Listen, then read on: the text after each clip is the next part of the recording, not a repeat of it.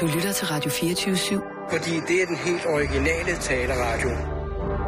Velkommen til Bæltestedet med Simon Jul og Jan Elhøj.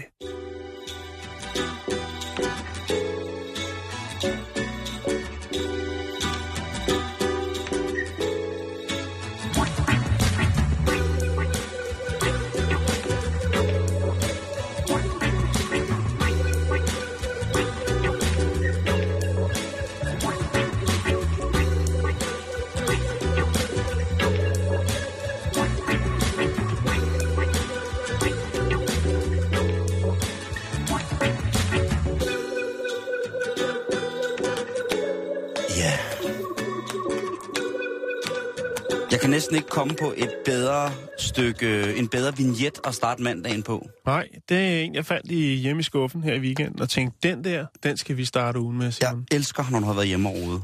Jeg synes simpelthen, det er, så, bliver det, så bliver det næsten ikke bedre. Rigtig hjertelig velkommen til øh, Bæltestedet den her første dag. 1. juni oven i købet. Ja. Hvor at der jo... Øh, Nu må det da for fanden snart være sommer, var? Det må- 1. juni. ja, Helt ærligt. ja, Ikke? et eller andet sted, ikke? Hvad er det dog, der sker? Jamen, jeg ved det ikke, Jan. Jeg, det er den, Hvem kan man det, klage til? Er nogen, der bliver stillet til regnskab for det? Ja. Hva? Er, Vores- det, er det Tanæv? Hvem er det, vi skal have Jan, fat i? De eneste, vi kan stille til ansvar for det dårlige vejr, de klimatiske ændringer, der har foretaget sig de sidste mange år. Ja. Jan, det er os selv og den industrielle udvikling. Ja. Ja. Det må du altså kunne forstå. Det er os, der har gjort naturen fortræd, og derfor brokker den sig tilbage. Ja. Fat det dog, eller må lynet slå ned i dig. Og så alligevel har den alligevel igennem alle de millioner år selv styret udviklingen på godt og ondt. Åh, oh, oh, pas lige på. Oh! Ja. Det er det nye shit. Så skal der valgplakater ud. Den første Tesla-hest. ja, og så... Øh, Ja, nu det var lidt helt, overlæg. helt, helt, helt bevidst holdt vi jo kæft med alt om valg sidste uge. Ja, det kommer vi også til. Lige på nær nu. Lige på nær, fordi lige nu, Jan, så er jeg faktisk allerede træt af valgkampen. Oh, jamen jeg... Ja. Og den er jo ikke engang halvvejs, og jeg synes, det er min borgerlige pligt at sætte mig ned og lytte på debatterne og se i tv eller på det. Sådan er jeg indrettet, sådan er jeg opdraget. Man skal ligesom det- følge med, hvad der har, hvad, hvad, hvad der foregår, hvad ja. de nu prøver at smide efter hinanden og skyde hinanden i skoene. Og jeg er tosset med politik. Og jeg er, så, er jeg selvfølgelig også dybt konspiratorisk. Og jeg følger alle former for politikere. Det er både på, til højre og venstre for midten, fra fuldgardinet, fra det yderste højre til det yderste helt sorte venstre. Jeg følger det hele. Jeg synes, det er, det er spændende, og noget af det er tilnærmest. Jamen det, og noget af, jamen det, er, det er altså både højre og venstre, sådan, når man kommer helt ud i ekstremerne, det er også noget stop jorden, vi vil af nu. Og det er nu. Jo. Øhm. Det skal nok komme. Den mulighed skal nok øh, foreligge på et tidspunkt. Nå, Og det er jo ret vildt det der med, at når man læser noget hos en politiker på Twitter eller Facebook eller whatever, eller en social medie, sådan, så øh, sådan, og, om morgenen, eller der er kommet noget nyt, i, der er kommet noget nyt frem under, under aftens forhandlinger, eller what fuck ever, så det, det er næsten som om, de kan ændre mening per time, når de kommer ind i det her rush op mod valget, ikke? Det er som om, at for hver time, der kommer, så kommer der en ny mening og en, og en ny ændring, og så tænker man sådan, okay, øh, skulle man måske ikke holde fast i det der, eller mm. og så siger de altid, de er så skide gode, så siger de om, at der er kommet en ny vinkel på tingene, eller de har fået øh, syn for andre ting i sagen, som gør, at de er nødt til at få, altså de her ting, som politikere nu siger og gør på en eller anden måde. Øh, og det er jo sådan set en god nok undskyldning som sammensat sætning, men rent betydningsmæssigt, rent politisk konsekvensmæssigt, der, der bliver det bare, der får jeg langt dadler. Øh, men altså i virkeligheden, der, den er, overgår jo altid fantasien, ikke? Ja. Øhm, og så synes jeg, det er okay frægt at lade som om, vi er inddelt i kasser. For der er ikke nogen, der ligesom kan få lov til at være en del af de forskellige ting og bruge de forskellige ting. Man er ligesom bare høre et eller andet sted henne, og det har jeg meget, meget svært ved at se nogle gange.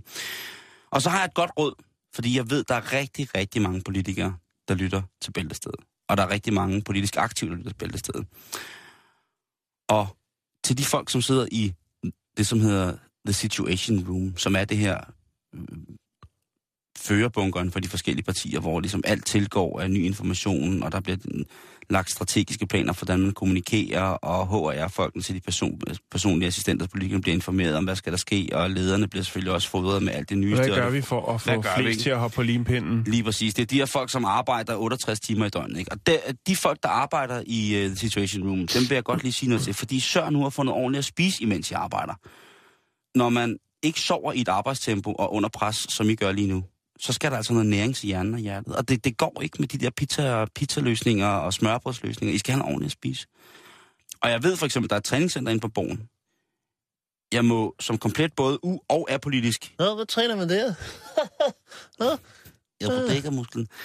Øh, jeg må sim- simpelthen bede de politiske spidser om at sørge rigtig godt for deres hjælpere, og ikke bare sige, at arbejdet bærer løn i sig selv, fordi at det er det politiske øje med, som ligesom er gaven i det her. Stop, I skal give dem ordentligt at spise ligegyldigt hvad. Og tænker man, hvem er de her mennesker så? Jamen, når I nu ser alle de her, TV, de her interviews, der kører rundt på tv og på nettet, hvor der står folk øh, med, med partispidserne, alle kandidaterne, så prøv at lægge mærke til folkene omkring de her mennesker. Gerne måske i tredje række, lige bag ved politikeren, måske lidt tættere, der står der gerne nogle kvinder og mænd, som ligner vinderne af sådan en zombie pop crawl bedst udklædte. De ser fuld fuldstændig ud, som om, at de undskyld modtrykket er blevet elsket i ansigtet med en stor hammer. Mm. De ser helt færdige ud. Altså deres ansigt, der er gået for at være smukke, ungdomsfulde, håbefulde kommunikationsmedarbejderansigter til at ligesom at være øh, øh, render, som fylder hele ansigtet, i stedet for bare lige under øjnene. Ikke? Det er fordi, de, de, de har en drøm om at gøre en forskel, og når de så først sidder i saksen, så finder de ud af, hold kæft, hvor er der oppe bakke. Det ved jeg godt. Og det trækker altså... Øh, Jamen, jeg synes bare, det er også et opråb til det politikerne. trækker pigment og alt muligt andet ud af Det, øh, det gælder, ja, øh, bortset fra øh, Nationalistpartiet, men ellers så, Hvad siger du? det gælder både rød og blå blok. Jeg vil gerne bede om øh, lederne om at tage jer sammen, og så øh, sørge for, at jeres fodtus også ser godt ud og ikke ligner lort.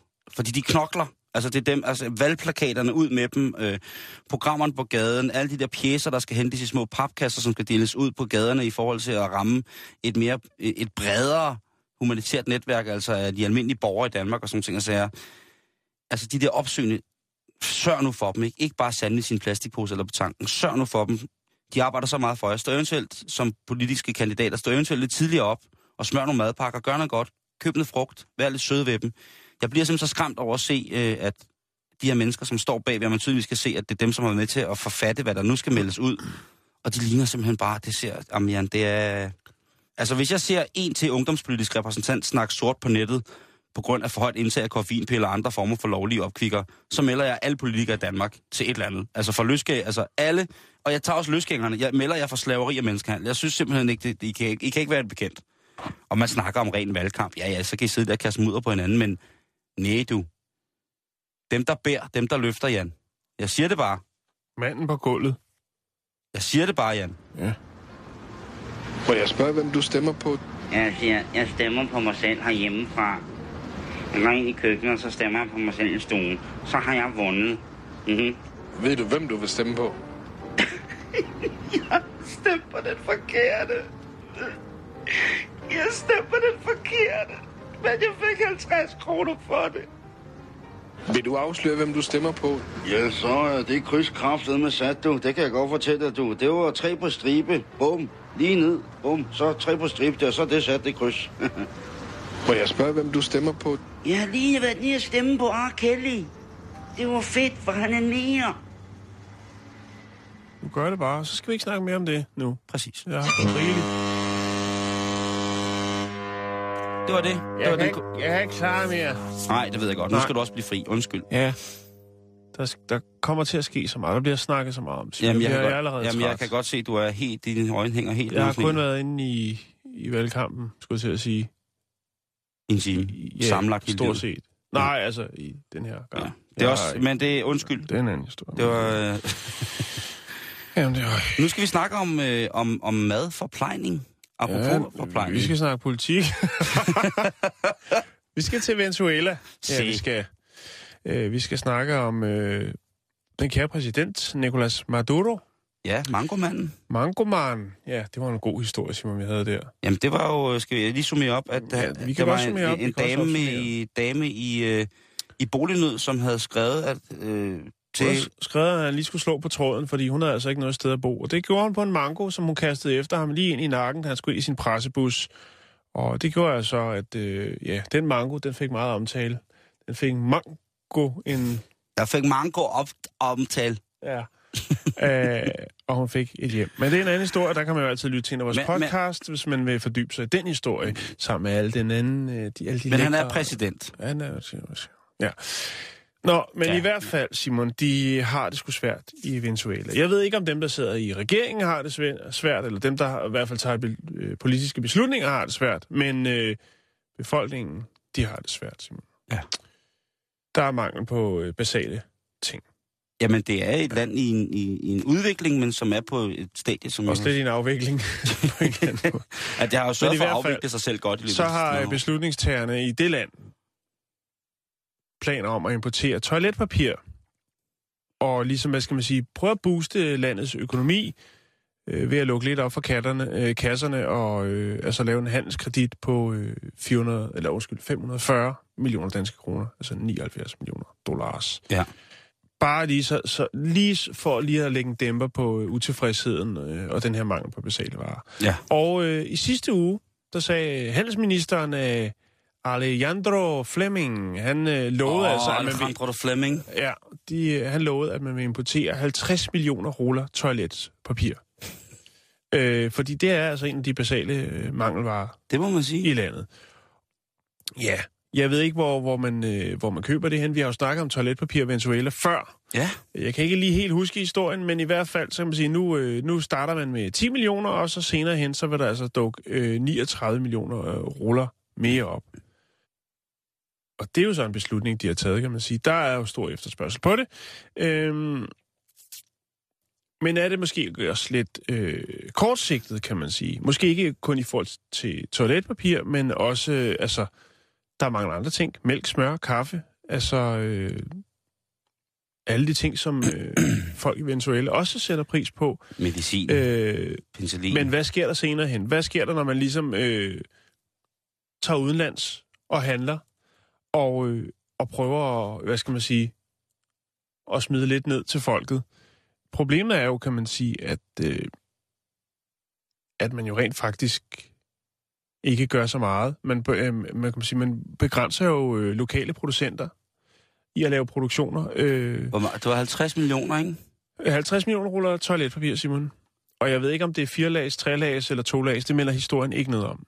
Jamen, Men i hvert fald, så har de... lige. Øh, altså, der er jo alt det her priskontrol, og øh, altså det her med, at man prøver at begrænse produktionerne, og man... Altså, det er den helt tunge inflation, øh, inflation der er gang i. Men, Simon, Nicolas Maduro, han øh, prøver ligesom at vende det hele rundt på tallerkenen, og øh, siger til venezolanerne, prøv at høre, det, det er fint nok. Nu, har jeg, nu går vi ud og køber lidt toiletpapir, så, så I, det kommer på hylderne i forretningerne. Øh, men prøv, kunne I ikke lade være med at spise så meget? Fordi det er jo ligesom også jer, der er en del af problemet. I skider simpelthen for meget. Altså, I, der, er no, der er mange af jer, der spiser tre eller fire måltider om dagen. Og det gør jo altså også, at der skal bruges flere øh, billetter til endestationen. så hvis I lige vil tænke, øh, altså prøv at spise lidt mindre, gå lidt mindre på toilettet, så tror jeg altså, at øh, de her 50 millioner ruller, de kan holde lidt længere tid. Så nu snakker vi politisk tæft, Jan. Jo, jo, jo, jo. Fordi der bor 28 millioner 833, 800, øh, 28 millioner 833.845 mennesker i Venezuela. Og hvis du dividerer det med 50 millioner, så bliver det til cirka 1,73 lokumsrulle per person, per Jo. indbygger. Ja. Og hvis de så øh, er på potten tre eller fire gange om dagen, jeg ved ikke, det kommer også an på, hvad man spiser, hvor meget Ja, papir hvis, det, man skal hvis man bruge. spiser, og ja, hvis man, den første morgenmaden er, er noget, noget lidt let, og så får man måske nogle plantains, og så får man måske Ja. ikke så meget kød. Ja, men hvor mange gange man så ude og øh, bummelumlerer den? Mm. Ja, det er svært at, svært at Jeg ved ikke, hvad det er, det går ud på det her, om han ligesom tænker, at vi skal løfte i flok, så hvis I skider mindre, så skaffer vi noget lokumspapir, eller hvordan der vil ledes. Men jeg synes, det er lidt frækt, ikke? for der er så mange problemer i det land. Og så vælger han lige at sige til folk, prøv at høre, altså, hold jer til mangoerne og øh, skid lidt mindre, fordi at, øh, ja, så var øh, det her indkøb og det her projekt lidt længere. Det Man kan set- sige, bruttonationalproduktet per indbygger i Venezuela er ifølge Wiki- Wikipedia på omkring øh, 5800 dollars om året. Og det er jo altså ikke særlig meget, så... Men det er jo et skørt, skørt land. Og det er jo æderrødme vildt, at præsidenten går ud og beder folk om at spise mindre, ikke på grund af sundhedsmæssigt hensyn, men på grund af miljømæssigt hensyn. Ja. 39.000 danske kroner. Ja. Ja. Jeg ved ikke, hvad man skal sige til det. Nej, Øh, det, det, er, det er vist... øh, Der, hun skulle måske ikke have kastet den mango så hårdt, hvis den ramte ham i hovedet, fordi det der, det er der tæt på at være noget af det mest langt ude. Tænk kan på, være. hvis Helle thorning Schmidt, hun stillede sig op og begyndte at begrænse folks indtag af mad på grund altså, Mm. af hensyn til personhygiejniske artikler. Men det kan godt være, måske der bare skal en mango mere til, og så øh, kommer der en anden udmelding. Tror du det? Jeg ved det ikke. Ah? Jeg tror, han vil hoppe på den. Jeg ved det ikke, Simon. Men vi skal videre i programmet. Det er mandag. Det skal nok gå, Simon. Det handler alt sammen om... Øh...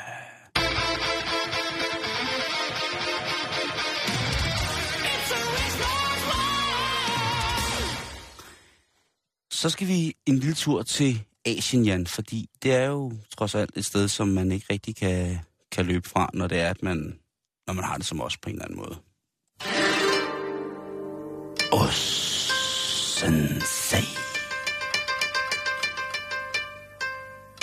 Shamasen. Simon, Vi skal til en af vores yndlingslande, og det er selvfølgelig solens rige, det er Japan. Og lad mig starte lidt, måske lidt kedeligt, men, men også lidt faktuelt på den her måde. Fordi det viser sig i forhold til arkeologisk forskning, at Japan har været beboet for mindst 200.000 år siden. Under det, der hedder den paleolitiske periode. Mhm. Og under flere istiderne sådan, i løbet af de sidste millioner år, så har Japan sådan jævnligt været forbundet med det asiatiske kontinent. Altså det er jo den her, man kan sige, øgruppe, øh, om man vil, halvøer. Det må man godt sige. Der mener man altså, at Japan har været en del af de øh, sådan øgrupper, som nu udgør for eksempel Kina og Korea.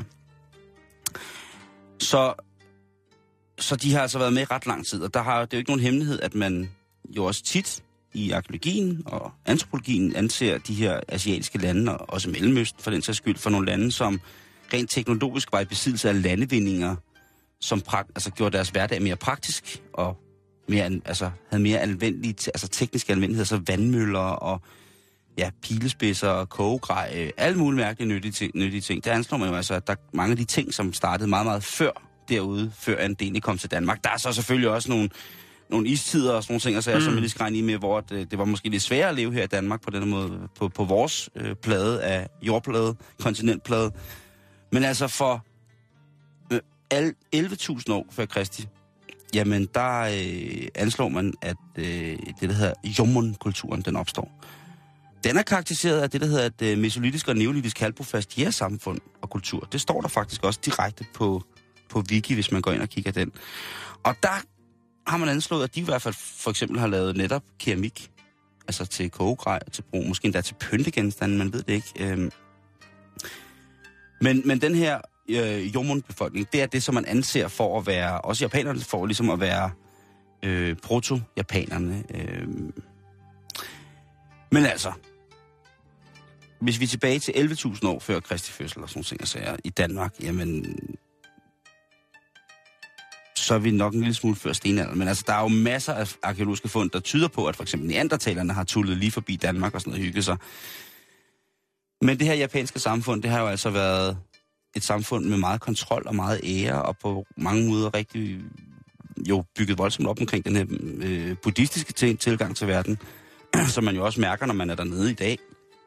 At der er jo nogle kæmpe kulturklasse. Hvis man går i storbyen i Japan, så kan man jo se de her helt klassisk klædte geishier gå ved, mm. siden af den, ved siden af en punker på rulleski, ikke? som også ligesom har det ekspressive udtryk. En helt klassisk uh, rullepunker. Lige præcis. Og, Ja. der, og, der, og, der, og der er jo... Lad du ikke mærke til det, når du var i Japan, det der med, at man kunne se, der var de der helt stringente kontorfolk, der bare blæser afsted, og så Mm. er der sådan den almindelige i citationstegn mellemklasse, som måske ikke er meget ekspressivt udadgående i, hvordan de klæder sig. Mm. Og så er der så selvfølgelig alle de her Så er der YOLO-generationen, ikke? Ja, lige præcis. Og punker, og mangaer, og cosplayer, og alle de her vidunderlige ting. Mm. Og det synes jeg jo er, er, er ret genialt, at tingene på den måde består. Der er jo så også de her gamle begreber, som er kommet med fra det her feudale Japan, som er det her med, med ære og moral og mm. selvmordet, eller Dobbeltmoral. dobbeltmoralen, lige præcis. og så er der jo så også kommet de her til, eller så er der, men der har også, det har også gjort, at, at landet jo i rigtig, rigtig mange år har levet i, i et forkvaklet mørke i forhold til for eksempel frigørelsen af, af seksualitet og, og så Mm. Og jeg ved jo ikke, om det her højt teknologiske udviklede land har måttet betale en pris for den her ensretning i på mange måder. Altså med kongehuset og med de her herremænd, som jo har besiddet de kæmpe store landlen, hvis man har set sådan nogle lidt historisk mærkelige ting, som, som jeg ved ikke. Der er masser af samurai-film, som man kan se, hvor man ligesom også finder ud af, at, det, altså, at, at en del af den japanske historie er, at man hylder det feudale samfund med herremændene, mm. med samuraierne, med alle de her forskellige ting, som vi i, i, i Danmark anser som for at være det mørke middelalder, og nogle ting, vi helst skal fjerne os fra, hvis vi skal fremstå som et forholdsvis moderne samfund. Mm. Der er jo mange af de der æresbegreber, som jo er meget højere holdt i hævd, og meget voldsommere holdt i hævd i Japan stadigvæk, ikke? Jo. Og på den måde så er øh, den landlige sådan, liberalisme og så den ultranationalistiske konservatisme er fremherskende på mange punkter i Japan. Men på en eller anden måde, Jan, jeg fatter ikke hvorfor, så formår de altså at få den til at ikke at være så, så modbydelig udtalt, som, som de samme ting kan være i, øh, I andre lande. ja, i for eksempel i, i Vesteuropa, ikke? Jo. Ja, det klarer de meget godt. Ja, et Lige på nær, når man skal på karaoke bar. ja, så må de hvide mænd ikke komme ind Nej, på de det må de ikke. det, Jeg havde sådan glædet mig. Ja, men ved du hvad, vi finder noget. Jeg leger øh, køber, så jeg tager Playstation med en dag, så kan vi synge lidt karaoke der. Fedt, fedt, fedt. fedt. Ja, du er også asiat, så det er jo næsten... Hvis du kommer ind til min Playstation. ja, ja. skal stå og banke på ude for kontoret.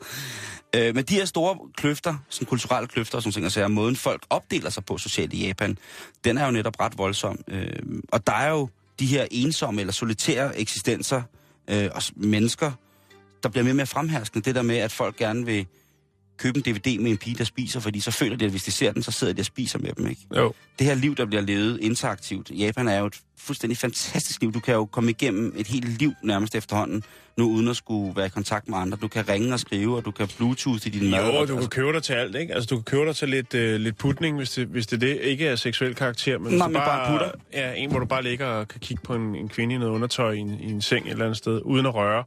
Øh, Du kan få alt. Der er jo substitutter for alt. og på Øh, teambasis, ikke? Jo, jo, jo, jo. Øhm, og med alle de her ting, og de her, så må der også komme nogle clashes, og der er jo utallige eksempler på, at lakken er flækket i, i, i, hvad hedder det, i solens hjem dernede, i solens rige. Altså, der er jo utallige eksempler på, at dækket er, altså, dækket er faldet fuldstændig af, og småkagerne er blevet smidt ned på gulvet, inden de overhovedet er blevet bagt, som bare været rundt i dem, ikke? Altså, det her med for eksempel selvmordsretten øh, mm. i Japan, dødskulte er der jo har der også været. De her kollektive selvmord. Der har været utrolig mange ting, hvor at at clashen, clashen har været for eksempel mange af de her kulte og sekter, som jo tager en, tager en, en, en klassisk kristen overbevisning og blander det med noget, de selv finder på, og lidt buddhisme og sådan lidt. Og det er der jo ikke noget nødvendigvis farligt i, hvis man kan finde ud af at moderere det, men som en klog mand ofte siger, alt med mod. Og det nyeste slag på taskerne ud i japansk kakelak, og det, og det her, det kommer til det der med, at selvom man ser et meget perfekt samfund på mange punkter med, at ja, man får sushi fra derfra, og der kommer gode biler, det er miljørigtigt, og bla bla bla, sådan ting og sager, jamen så, så er der også hakker i pladen. Og man har netop fundet nogens mormor, ja måske oldemor og mor, skåret i stumper stykker en sportstaske på en øh, station i Tokyo. Og øh, i, i, ja, det er der et tegn på, at der er noget, der er fuldstændig galt. Altså indtil Jo, jo, jo, vi, jo, vi har jo kun, øh, men- vi har kun den store Lundini herhjemme, Du, ikke, som du går op i sådan en, du lægger ud sådan en, øh, et større, øh, sådan, eksistentialistisk perspektiv. Ans- Ja. Vi anskuer tingene. Japans tilstand, og så, øh, Ja, og så må vi blive nødt til at komme ned og til så der, hvor ender det vi i går en, i, en, i en kuffert. med mormor, ja. skåret småstunker. Jamen, jeg kan sige, at øh, kufferten, den var blevet efterladt i sådan en bagageboks, og så hver måned, så går de dem jo igennem. Hvis den stod der over en måned, så bliver de jo fjernet. Hvis der ikke er puttet mønter i, ja. Ja, så bliver den jo fjernet, og øh, så bliver den bare, så bliver den stillet ind. Der, på det tidspunkt, der lugtede mormor ikke. Så bliver den så stillet ind på hittegodskontoret. Og når der så er gået en måned der, der skal jo være ordentlige ting, ikke? Ja. så bliver den så smidt ud, men der bliver selvfølgelig tjekket, hvad der er i. Og der de her... De tænker, ej, den der nationalret der, den der sådan lokalejensret, den, øh, Ja, det er den er lidt lige på kras. grænsen, ikke? Jo. Men der sker så det mest fantastiske, Juan, at det bliver selvfølgelig opdaget, fordi der, de der hittegodsfolk står der, ikke? Og åbner, så, lige, så, så er det det, de hiver op i låget, ikke? Så falder der lige sådan lidt hår ud, og så lukker de den igen, og så, og så, Så begynder, den gal. og så begynder der at lugte mærkeligt, ikke? Ja. Der Men er den egensret der, den kender vi ikke. den... Don så det, der står der. Ejensret. Hvor er det ejensret? Og det, det, det, det, det klipper helt, ikke? Så de ringer til politiet. De ankommer jo selvfølgelig for at fjerne de her ting, og, og, og så skulle man så tro midt i alt det her. Det er jo så også igen det eksempel med, der er jo ikke andet end overvågning på den her togstation i Tokyo. Der ryger omkring 150 millioner mennesker igennem på hovedbanegården i Tokyo. Jeg ved ikke, om du har været der, men det er blandt andet derfra, hvor at øh, Shinkansen eller Chimpansen, det der sindssyge lyntog, mm. der kører igennem Japan jo... Øh, 150 millioner om året går ud fra, ikke? ja, 100, hvad sagde jeg? Undskyld. Nej, du sagde ikke noget. Nå, 150 millioner passagerer om året ryger ja. igennem den der øh, togstation, ikke? Det var om dagen, og det er rimelig sindssygt. Så de har ikke rigtig noget at gå efter. De har jo Der er prøvet... simpelthen for mange folk på overvåg- overvågningskameraer spillerne. Ja. Ja. Og øh, de, ligner hinanden. nej, det, ikke sige, det må, nej, det må jeg ikke sige, det må jeg ikke sige. Men jeg kan sige, at damen, hun er cirka mellem 61, eller hun er 61 høj, og så er hun mellem 70 og 80 år. Ja. Og det er jo så til alle vores japanske lytter, som kan hjælpe med her, ikke? Ja. Fordi har I styr på oldemor, har I styr på mormor, har I styr på farmor, eller den altid irriterende tante. Hvor er, er der styr på dem? Hvor er de Ja. henne? Er de ikke blevet set? Ring lige rundt, lav en telefonkæde. Just. Og, og alt det her, det siger jeg jo ikke for at, ligesom, at afskrække og lægge en skygge over Japan. Nej, nej, nej, nej, nej. Fordi hvis jeg, altså med far for at lyde dybt morbid, afstumpet og tilnærmelsesvis pervers, så er det netop den her sindssyge spændvidde, som, som er, er synlig i Japan, som jeg elsker så meget ved det land. Og altså, hvis jeg ikke havde andet end penge at rejse for, så må jeg altså sige, at den her gamle monokultur og den her konservative til tider amoralske hermands elite og alt det der, altså og alle de der nye vanvittige tiltag, japanerne skaber for at bevise, at de er på toppen af teknologien. Altså, jeg vil være der så meget, som jeg overhovedet kunne. Jeg elsker det sted. Altså, nej, et fantastisk land. Det, øh, det må jeg altså sige. Men stadigvæk, øh, hvis der er nogen af vores japanske lytter, der savner mormor, så er hun på Hidegods-kontoret i, øh, eller så er hun på politistationen i, i, i Tokyo. Bare så de ved det.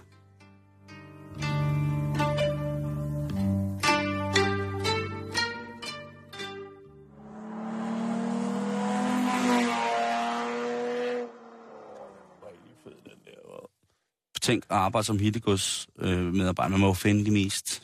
Jeg har engang været ude på, øh, på det københavnske Hittegods-kontor, som ligger ude i øh, Islev, eller hvor meget det er, det hedder.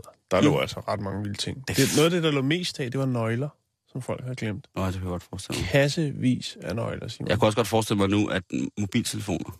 Ja, mobiltelefoner, men også det- lidt af de sjove. Altså Ja, det- kufferter, hvor man ikke rigtig ved, hvad der er i. Og, s- altså, så åbner de den selvfølgelig, men altså, det må altså være spændende, når der kommer en kuffert ind. Hvis den, altså, Ja, øh, benproteser. Jeg tænker, hvordan, Mormor? hvordan glemmer man en benprotese? Hvis, altså, hvis det er en, man, man, man bruger på Mm. egen krop, hvordan kan man, altså... hvis man er fuld. Ja, jeg skulle lige til at sige, så har man virkelig fået, øh, fået rigeligt med snaps. Hvis man skal, skal hjem fra møde, og så at sige skal have benene op, og der ikke er plads til dem begge to, så kan man jo lige skrue den af og stille den ned. Og så hvis man så... Lige... Så skal man i hvert fald have kridt med, så man kan lave en, øh, en hænkerode hele vejen hjem. Ja, oh, jo, men altså... så bliver det lidt mærkeligt. Nå, øh, vi skal snakke om en, øh, en mand, der hedder Ron Ryodan. Ron Han øh, bor i øh, South Louisville, Louisville, Kentucky, United States of Americas. Det er USA. Jo. Øh, han er ude at fisk, Åh, oh, ja. og det, øh, var der, det er der altså nogen, der er blevet sur over. What? Ja. Han kører forbi et sted, som har et meget, jeg synes egentlig, det er et meget godt tiltag. Tag. Ja, nu er vi der. Oh. Kan du se, ligger de dernede? En flot, flot sø. Ja. Og øh, ligesom at du kan slå dig løs i en buffet, alt hvad du kan spise, 136 kroner, så øh, var det her altså også en no-limit sø. Altså, det vil sige, taler put and take, ja, eller det er hvad? put and take. Okay, okay. Så der er nogen, der har sat nogle fisk derud? Eller take and put. Ja, ja, det, Hvordan man gør det? ja, det ved jeg ikke. Nej, det kommer. Nej, hvad hedder det? Fokus. Og der tager Ron altså ned for at fiske lidt. Ron er åbenbart ret god til at fiske. Okay. Han er masterfisher. Han er mesterfisker. Åh. I hvert fald så øh, betaler han jo så, hvad det koster for at komme ind, ikke? Mhm. Det hedder Horseshoe Pay Lake. Og det er no limit. Det vil sige, at du har 12 timer, du kan stå dernede og fiske og give den gas. Koster 20 dollars, altså 136 kroner. Der er, altså, så efter hvad jeg kan se fra deres Facebook-side, så smider det rimelig mange fisk ud i den sø der. Øh, og Ron, han er så god til at fiske. Han er faktisk så god, så øh, han hiver 31 dejlige, dejlige fisk. Der er ikke præciseret, hvad for nogle fisk det er. Nå, nej. Men øh, det er nogle store basser, kan man se, man kan fange der. Okay. Øh, og han tænker så, det går sgu, det går meget godt. Jeg tror sgu, jeg kommer igen i morgen. Der hiver han altså også en ordentlig portion fisk op. Og så siger ejeren sådan pænt, "Jamen, prøv at høre, Ron, du bliver sgu nødt til at smutte. Øh, fordi det er sgu ikke helt det her, der er meningen. Du kan ikke komme øh, hver dag bare og hive fisk op i en lindstrøm. Og det kan Ron selvfølgelig ikke forstå. Så, prøv, jeg har jo betalt. Altså, hvad, hvad, hvad er problemet? Han når at fange 80 fisk, Simon. og en skamfisk af den vi er, vi er oppe på, på, på 240 pund, ikke? Så er han ud for, hvad skal man sige, kostprisen på det, det, er- det er 700, eller hvad hedder det, 2700 danske kroner, øh, som han har hævet op for der, ikke? Det er ejeren sgu ikke helt op og støde over. For tænker, hvad, hvad, hvad bruger han de fisk til? Er det, er det, sælger han det videre, eller hvad? Fordi så er det jo ligesom, så ødelægger han jo den her no limit øh, put and take sø. Nå, men altså, hvis du så spiser alt, hvad du kan. Det er rovdrift. øh, rovdrift. Ja, lige ja, præcis. Altså, så, Øh. så nytter sgu ikke noget, hvis der kommer en anden og siger, "Ey, prøv at høre. Nej, og det, det deler jo vandene i mere end en forstand. Fordi at der er jo netop folk, der, bor, der refererer til det her, sådan, øh, alt hvad du kan spise. At hvis man kalder noget øh, all you can eat, all you can fish, øh, så burde det jo også øh, være sådan, at, øh, at det skulle være. Men ejeren siger jo, jamen, prøv at høre, det her det er jo altså også et sted, hvor øh, amatørfiskere og børn, ikke mindst, kan komme og få en god oplevelse af, ligesom fra vand til bord. Ja, ja, ja, ja. Øhm, Ja, og, og ligesom få en, en erfaring med så- det der med at fange fisk, og at det ikke er farligt, og det er skide få lækkert. en, og- en, en, en, en smuk oplevelse, så er det jo altså så, at, øh, at Ron bliver øh, bedt om at forlade øh, matriklen. Du bliver smidt væk. Ja, jeg bliver smidt væk, siger han. Prøv, Ej, det, altså. det, det går sgu ikke. Du står her og hiver, øh, Og, og skamfisker og også. hiver 240 pund øh, fisk op. Det, det, det er sgu for meget. Øh, jamen, og Ron siger, "Jamen, prøv at høre, altså, det, det står der jo ikke. Det er der jo ikke nogen regler om. Du, altså, hvis man betaler for øh, alt, hvad man kan fiske, Så må det også betyde, at øh, Så må det man være, kan fiske igennem, ikke? Så kan man fiske igennem. Altså, det er jo 12 timer, I har åbent, og jeg kommer og fisker. Jeg betaler mine 136 kroner, og så går jeg ellers bare i gang med at, at hive op. Og det er ikke fordi Ron, han er nogen professionel fisker, som ligesom kommer for at ødelægge foretagene. Nej, nej. Han har åbenbart talent for det. Til daglig, der erhverver han sig som, øh, som øh, trucker. Han er lastbilchauffør. Bum. Øhm, og så øh, han, har han også en lille, et lille værksted, hvor han øh, ordner hjul og den slags. Så han er ikke nogen... Øh, altså, Der er der ikke nogen, der skal sige til han ham... er ikke rovfisker, Simon. Det er Nej, han det altså synes, ikke. jeg, synes jeg heller ikke. Det lyder Øh. som om, han gør bare, s- som man må. Lige præcis. Og så må man jo, og det kan man også se på, på deres Facebook-side, øh, for det her sådan, fiskeforetagende, altså der er nogle folk, der er altså rasende over, at, øh, at Ron ligesom er blevet øh, smidt væk herfra, og siger, prøv her, jamen, altså, så må I jo finde på at kalde det noget andet. Hvis man ikke kan komme, og man måske har lidt held i sprøjten en dag eller to, og så bliver man bortvist for det, så må I skulle lave lidt om på, øh, på konceptet. Ja. Det er en god sø, Simon. Der hos Horseshoe øh, Lake, der smider man altså øh, 6-7.000 pund fisk ud om ugen. Så der er rigeligt af dem. Det er meget, Simon. Det er rigtig, rigtig meget. Ja, det er ikke... Men altså, hvis man virkelig... Øh, Øh, Ron siger også, at øh, jamen, prøv at han, altså, selvfølgelig lavet noget fisk til sin familie, men udover det, så har han altså også øh, doneret nogle af fiskene til, til velgørenhed. Det vil sige frisk fisk til, det kan være herrebærger og den slags, hvor han lige har kørt ned med en kasse og siger, hvad så? Er det ikke noget, I kunne tænke jer at servere til folket her? Så han er jo, hvad skal man sige, han har bragt glæde, Simon. ja, han har bragt mad. Han har bragt mad. Altså, ejeren af Horseshoe Lake øh, siger jo her så, at øh, vores sø, øh, altså det skal være inden for sund fornuft og rimelighedens grænser. Øh, der er jo ikke nogen, der skal, skal, hvad skal man sige, rovfiske i vores øh, sø og, og, og hvad skal man sige, strække reglerne til det yderste for personlig vinding. Det er, det er argumentet fra ejeren af. Horseshoe Lake, Put and Take søen her, har været i gang i et år og er en succes, men altså ejeren vil nu revurdere, om man skal øh, ændre lidt på konceptet for at undgå øh, lignende, lignende tiltag for andre. Især nu, hvor det ligesom er, er kommet i pressen, ikke?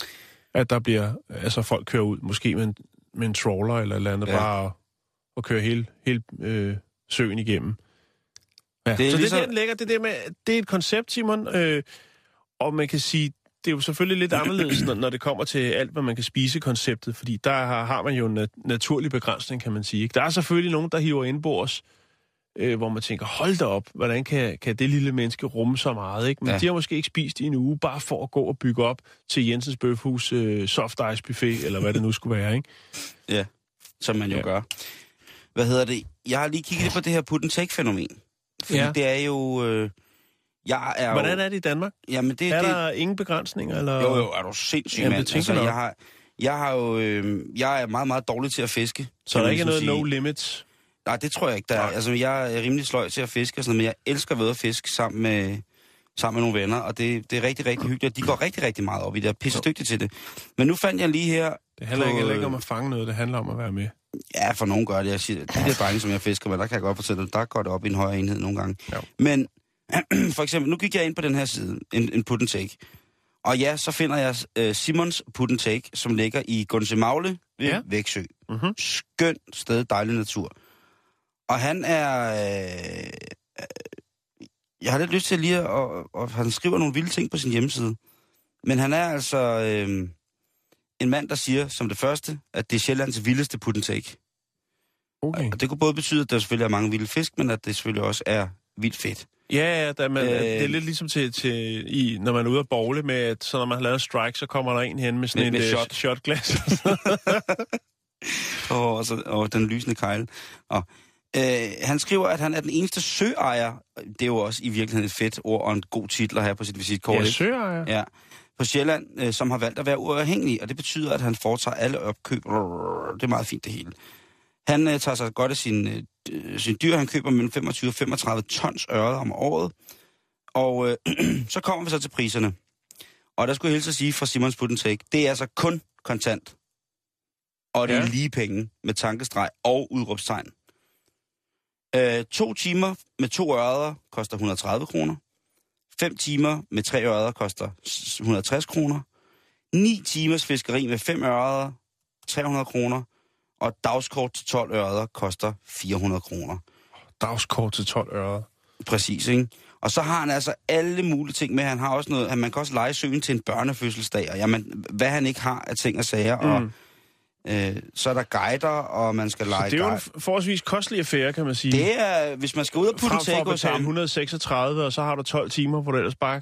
Ja, det kunne du jo så hive op, øh, hvad du nu får på krogen. Til gengæld så, før, så sørger Simon så her for, at der er, du ved, at man ikke tager mere, end der er brug for, og han har, øh, øh, altså der er mange regler for, hvad man ligesom skal, når man så endelig kommer ud at fiske, fordi at, øh, der, der er nogle ret gode regler, som jeg, som jeg tænker, det hører, det, selvfølgelig kender alle put and take fiskere det her, men også som ikke put and take fiskere, Jan, vi aner det ikke. Nej, vi ved ikke. Men for eksempel, så må man ikke have musikanlæg med ned til søen. Nej, det er sgu meget fornuftigt. Mm. Det handler vel også om at nyde naturen.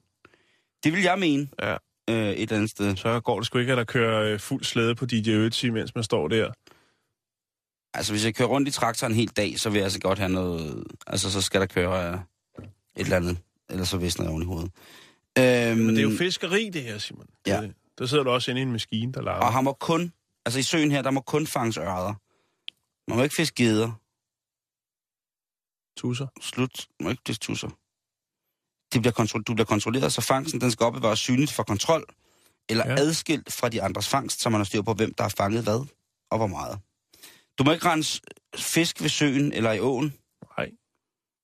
Du må kun lave bål, hvor det er tilladt. Og fotografering med kommercielt formål er ikke tilladt uden foregående aftale. Og så kan du altså lege børnesøen. 8 timers frit fiskeri ved børnesøen koster 3.000 kroner. Det er også en slags penge. Ja, det synes jeg. Ja. Og børnefødselsdag til Put Take. En helt børnefødselsdag, helt børnefødselsdag til Put Take. Ja. Ja. Kommer der så også en maskot? Ja, så kommer, så kommer Torsken, hoppe?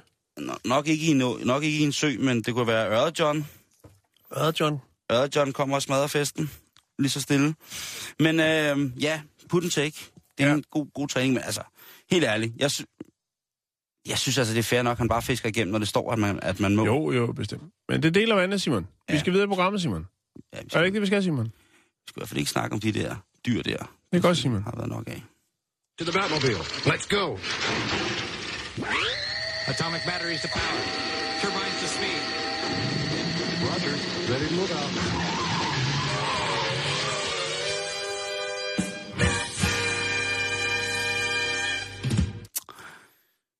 Offentlige transportmidler er jo en, en skøn ting. Ja, Når, og, og når man kan sidde ned, der, jeg tror, de fleste mennesker når man har prøvet, råd. Ja, de fleste mennesker har vel prøvet det der med at skulle tage et tog hjem, og så, eller måske et tog, man plejer at skulle tage, så har man lige glemt, at det er, du ved, sidste dag i påsken, eller første dag i pinseferien, eller whatever, ikke? Så, alt, så man bliver nødt til at stå i gangen fra, fra Høje Tostrup til, til Odense, fordi man har glemt at bestille en pladsbillet.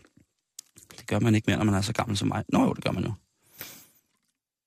Og det problem, der har de stort set alle steder. Nu, kom- nu var vi i Japan lige før. Jamen altså, at tage metroen om morgenen der, det er jo sådan en form for en blanding mellem en voldsorgie og en... Ja, der en står folk på... øh, Der står jo... øh, Pushers. Der, der står pushers på stationen, Ja. som jo øh, sørger for, at der er så mange mennesker, som der overhovedet kan være derinde. Og de presser jo bliver virkelig presset folk ind. Hvilket så affører et andet problem, og det er, at der er nogen, der siger sig fristet til at græmse på andre. Det er også et problem, som jeg kun tror, man har, i hvert fald i det omfang i Det har jeg aldrig gjort. Men Simon, hvor skal vi hen i verden? Og, altså, hvis man kan græmse, så er det sådan noget med at slikke folk på håret. Altså, man kan ikke, man, du, du kan stort set ikke stå. Altså, du, du kan ikke røre. Men i hvert fald, vi skal en tur til New York, hvor der er kommet en ny, et nyt reglement for det, der hedder en manspread. Ved du, hvad det er?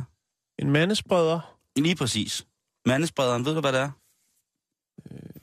Nej, det ikke umiddelbart. Ja, men det er den her position, som mænd kan sidde i. Sådan, måske et klassisk billede af en, en mand, der har henslængt sig i en, i en lænestol, og så har han så spredt sine ben helt vildt, og Ja. lægger sådan krøllet sammen. Altså den her, hvor at mænd sætter sig ned med vidt spredte ben. Så man sådan et par øh, 80'er landsholdsshorts på, så man lige kan se... Øh, Det er i morgen. er, det, er, det det, er, Det- er det det, der, Nej, der det, er problemet? nej, nej, det, øh, At folk det, de sidder og viser deres kønsdele det er åbenbart ikke det, der er problemet. Det, der er problemet, det er, at, øhm, øh, at når man laver en mandespreder, så fylder man rigtig, rigtig meget, ikke? Altså, så fylder man meget i, i sådan rent sædepladsmæssigt. Ja. Hvis man sætter sig på et sæde, og så mandespreder, så kan du faktisk godt gøre, at du kan tage halvdelen af, af, af det andet, af de her sæderne, der ligger omkring, ikke? Og der, det bliver sådan lidt mærkeligt. Og det, Men er, er også, det, er det ikke lidt uh, diskriminerende, tænker jeg, at det, at, uh, det ord, Simon? det er meget diskriminerende, men, Jo, prøv, men, ja. men, det, men det er en ting, det Men er en, kvinder sidder ikke sådan, eller, eller hvordan? Uh? Altså, der, der, er jo, der ligger jo i vores øh, meget, meget tabubelagte samfund jo en eller anden ting om, at hvis kvinder sidder med spredte ben, så er det ikke anstændigt, eller det er ikke på nogen måde... Nej, Det, er, okay. det, det sømmer sig ikke for en pige at sidde Men med det kan vel spredte ben. forekomme, Ja, ja, heldigvis kan det det. man Der, der, til lidt luft til koteletten efter en lang dag det er på det, arbejde, mener. så er det da og, og, og, og velset, så er det også at, at lave mandesprederen. Det er jo også noget, vi mænd gør jo for at gøre os selv det behageligt tit ofte, ikke? Altså, når vi sidder med samlet ben, også mænd, så er det jo for det fleste af os lige nødvendigt at åbne op, således at de ufødte børns skrin er der kan få lidt luft og justere temperaturen, ikke? Og her skal man så lige hurtigt kunne åbne sine ben, lade bolsjefabrikken lige så stille hænge ud og afklimatisere, bum, og så kan man ligesom lægge benene sammen igen, mm. og så er de klar. Øh, og, og det er jo Så noget, det man er der, ret... den ligger. Jeg, jeg det- synes, det er den vinkel, vi skal tage på det, sådan så... Altså, diskriminationskortet er jo så nemt at trække, Ja, ja, præcis, men, Altså, men, men det, det er jo det, der er blevet gjort. Fordi, ligger lige under Jamen, racistkortet. det, det er fordi, Jan, det, det er en diskriminering, det her. Og du, du, det, bliver, det bliver slemmere. Godt. Altså, hvis, fordi, er man, hvis man nu er ven med sin egen krop og mand, ikke, så det her med at lige at løsne op, og lade, lade, lade, lade bollerne lige få Lad luft der, ringe. Ja. Lige præcis, lade klokkerne ringe, og så lige samle igen. Det, det, det er jo en naturlig ting, vi gør. Det er jo ikke noget, man sådan tænker over, ikke? Det ser flot ud, Jan, du står der og ryster. Jan står en meget bredstående, og, Jo, jo. og hele bordet sidder. Men af hensyn til pladsen og vores andre medborgere i den offentlige trafik, så synes jeg ikke, man behøver at lave mandesprederen i bussen. Eller toget, for den sags skyld, hvis der er fuldstændig fyldt. Hvis man er fuldstændig alene, og klokken er to, og man hjem fra Herning, så kan, kan du sidde for min skyld og svinge med protesen. Og, Så kan man øh, lige stå af og... Du kan sidde og sætte lavkørlys i men, men der vil jeg sige noget, der, altså... Der har vi måske så et andet problem. Jeg, har- jeg har ikke tænkt over mandesprederen, som er et problem. Det har jeg jeg, synes, at folk er gode til at samle benene, hvis der er, Dufter er- af er- æbler. hvis en, en plads bliver optaget på den måde. Jeg synes, det største problem i de offentlige transportmidler, det er folk, der har deres tasker, hvor de ligesom reserverer en stol til deres taske, eller en sædeplads til deres taske, Til indkøb. for ligesom at lige at fortælle, at ja, det, det, det var fedt, Videre. du sad derovre. Ja. Øh, det er super, super irriterende. Mm. Øh, og folk nærmest kigger som om, at... Øh, Man er sindssyg, når man spørger man, om, ja, man må sidde med deres varer på skødet. ja. Nej, ikke det. Men ja, Men det, det bliver det jo. jo, jo, jo, bestemt, Øhm. bestemt, bestemt. Men i, øh, i New York, der startede man et nyt forsøg. Øh, eller det vil sige, at det var MTA, dem som går og kontrollerer nede i subwayen. Øh, Men tja, det er øh, Metropolitan Transit Authority. lige præcis. Det er firmaet, der, der, der ruller dernede. Lige præcis. Og de har øh, lavet et ret sjovt lille skilt, eller en plakat, der siger, Dude, stop the spread, please. Så bliver så, Hallo, lad være med at lave mandesprederen. Ja, det må man ikke. Det må man ikke. Nej. Fordi, og det har de så skrevet under plakaten, den er ret sjov, jeg vil lige lægge den op, hvor der så står, at det handler om plads, simpelthen. Ikke? Ja. Og hvis du troede, den var altså øh, diskriminerende sidst, ikke? Mhm. Så oplyser MTA her, hvem der rent faktisk er problemgruppen. Den aller, aller største gruppe, der, der laver mandesprederen for hårdt og tager mest plads ved at mandesprede Det er de 20-35-årige. latinamerikanske mænd.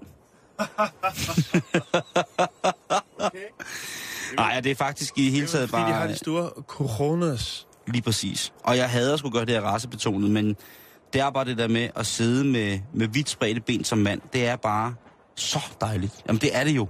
Det er jo, det er jo dejligt for, det er jo dejligt for Nungis at kunne hænge til, og, og, altså, uden at skulle være presset helt sammen, ikke? Jo. Det er det samme, når man kører bil. Så nogle gange, hvis man kører langt til bil, så bliver man lige nødt til at, at åbne benene, og jeg går ind. Ja, det kan vel være dejligt, fordi de, de her subway-tog, når de kører på de her sådan forholdsvis slidte skinner, så, så vugger den jo sådan lidt, når den skifter hen over alle skiftesporene, oh, der hvor skinnerne er samlet. Ja, den klassiske... Og det gør jo måske, at det er endnu mere rart lige at tage, øh, tage femmeren op til Bronx og øh, lige få, øh, ja, få rystet. Ja, få, øh, få vugget stativet. Ja. Jeg synes, jeg, jeg synes det. Det er, det er, men til gengæld så er det også... Men hvad så? Hvad sker der, hvis man bliver taget i at sprede benene, skulle jeg til at sige? Det er bare en henstilling. Det er bare en det, henstilling. Det er ikke, ikke øh, noget... Det indgår ikke, undskyld, det indgår ikke som en del af reglementet på, i, hvordan man skal færdes generelt, så det vil sige, der kan ikke forelægges bøder for dig, eller du kan blive bortvist fra toget, kun på grund af det. Så skal det netop være, fordi du sidder i fodboldshortsene fra 1982, og så øh, kigger den skaldede ondulat lige frem ud under bukselinningen der på... Den, så, er det, så er det et problem, ikke?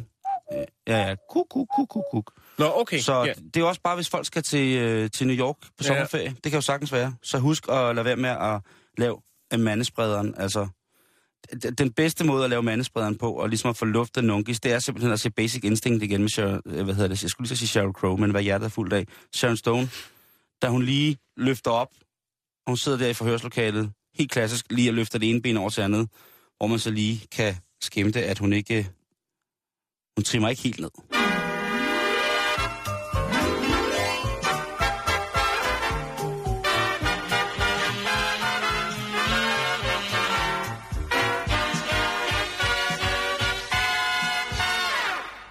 Ja, Simon.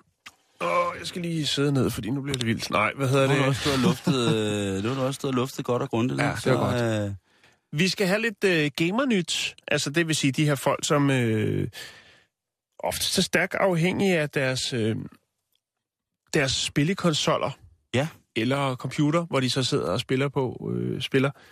Og på den anden side af gaden, hvor jeg bor, der er der i hvert fald en, der bruger temmelig mange timer. Det er stort set hver aften, han sidder fra, fra jeg kommer hjem til at gå i seng. Der sidder han altså foran sin Playstation, kan jeg konstatere. Øh, men der er jo faktisk folk, der lever af den slags. Jo. Der er folk, der så det virker lidt mærkeligt i min verden, at man rent faktisk kan sidde og, tjene penge på at spille. Og der er folk, der sidder, så mange penge på det. sidder på nettet og kigger på andre, der spiller øh, med kommentarer og det. Hov, hov, hvad er der nu i vejen med det? Jeg siger ikke, der er noget vejen. Nå. I min verden er det bare... Jeg, jeg kan ikke forstå det. Jeg kan ikke forstå, at man... Det er bare lige indtil man bliver fanget af det, Jan Elhøj. Ja, ja lige præcis. Nå. Nå, men øh, det er også... Altså, Hvor skal vi hen i verden? jamen, vi skal til Kina. Nej. Timeren vi, er skal snart have en, vi skal snart have en ny plade. Ja, det skal vi. Vi skal have en ny blad. Der er også ved at komme riser i. Nå, øhm... Man kan sige, at en af tingene, der er ved det her, det er jo, at det måske kan være en lidt ensom tilværelse. Jamen, man har masser, masser af venner. Ja, jo. Lige så, så, lige så øh, platoniske venner som på de sociale medier, er det det, du tænker på? Du kan bare skille hele mit liv ad. Jeg er en I hvert fald, Simon, så Jeg er er digital sjæl. er, er der altså mange af de her kinesiske gamere, som lever et forholdsvis Godt. ensomt liv. Nå ja. Derfor så øh, er de altså begyndt at øh, ansætte kvindelige medspillere. eller modspillere, det er sådan set ligegyldigt. Bare der er nogen, der vil være med, som har en sød og sexet stemme. Game Escort hedder det. Og det er altså det, hvor man så øh, kan online øh, bestille en, en kvinde til at spille med, hvis det nu man spiller noget, jeg ved ikke, Counter-Strike, eller hvad de nu hedder, de her spil, hvor man øh, kan spille mod andre. League of Legends, Og, og så sidder der måske, undskyld mig ordet, 10 andre geeks og spiller med på ens bane, øh, og det bliver sgu nok lidt monotont, og lidt kedeligt, og lidt nørdet. Og så kan man altså få så en fantastisk. GameX-kort, hvor der så øh, er en øh, smuk, øh, eller i hvert fald en asiatisk kvinde, med en øh, måske lidt lækre røst, som kan gå ind og spille med. Det er sådan set lige meget, om hun er god eller dårlig. Det vigtigste er bare, hun er der med sin stemme. Og øh, ja, det koster 100 kroner i timen at få sådan en øh, med ind på banen, kan man vel godt kalde det. Den her virtuelle bane. Og det er altså blevet en succes, Simon. Hvad er det for nogle kvinder? Er det bare nogen, der sidder øh, og tjener lidt ekstra? Eller er de, hvad- er de selv gamere? Altså, kan de selv spille med? Kan de komme med... Nej, fordi så tror jeg, man har en anden... Hvis man er professionel, eller hvis man er øh, fuldtidsgamer, professionel eller ej, så tror jeg, man går lidt mere op i det, og man ikke er så fokuseret på ligesom at være lidt kælen og den slags. Så, Jeg har- så, jeg har så, været- så ud ved- fra hvad jeg kan se, så er det altså folk, som har det som en form for bidjob. Altså det kan være universitetsstuderende, folk, der er på kontor, som går hjem og lige tager et par timer for at tjene øh, lidt ekstra. Jeg har været til cyberbryllup med to, der har mødt hinanden i en realm. Ja, men jeg er sgu ikke overrasket, Simon. Det var pisse Øh, smukt. Ja, ja, det... Jeg var trold til brylluppet. Alt, jamen, du er også trold i radioen nogle gange, Simon. Okay, tak. Nå, men i hvert fald så er efterspørgselen ret stor på det her. Og øh, hvis man er, altså går all in på det, og man er populær som øh, kvindelig gamer med den søde stemme, jamen så kan du altså lave op til øh, 3.000 kroner om måneden på det her, øh, den her lille sidegeschæft. Og det er jo alligevel en god mønt at synes tjene fedt. øh, i Kina. Øh, firmaet, som ligesom står for det her projekt med de her kvinder, hvad kan man sige, dem der formidler kontakten, Ja. de tager mellem 4, øh, 5 og 10 procent øh, af det, som øh, de her øh, kvinder, de tjener. Ifølge en artikel, jeg kunne finde i Times, så anmoder spillerne, altså de professionelle gamer, ofte som at møde med de kvindelige gamer.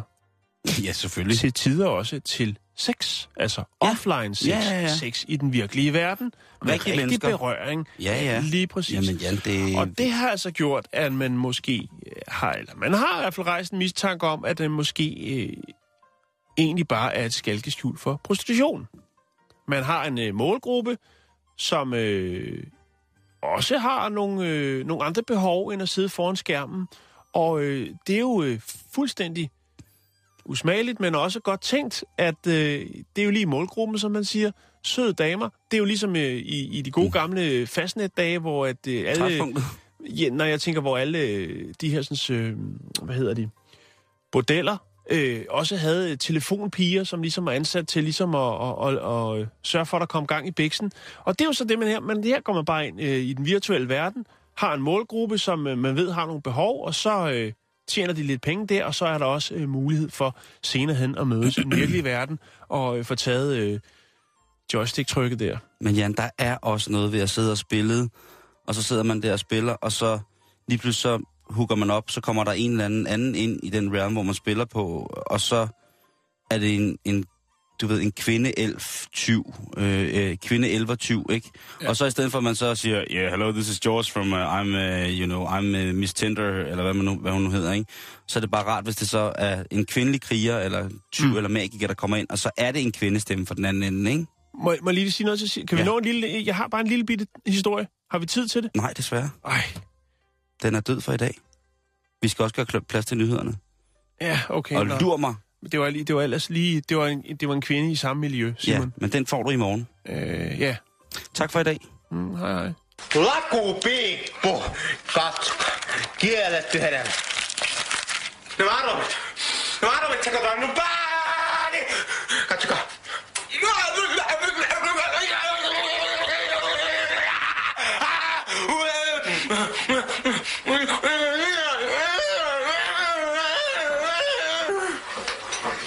Jestem człaku ptaszkiego!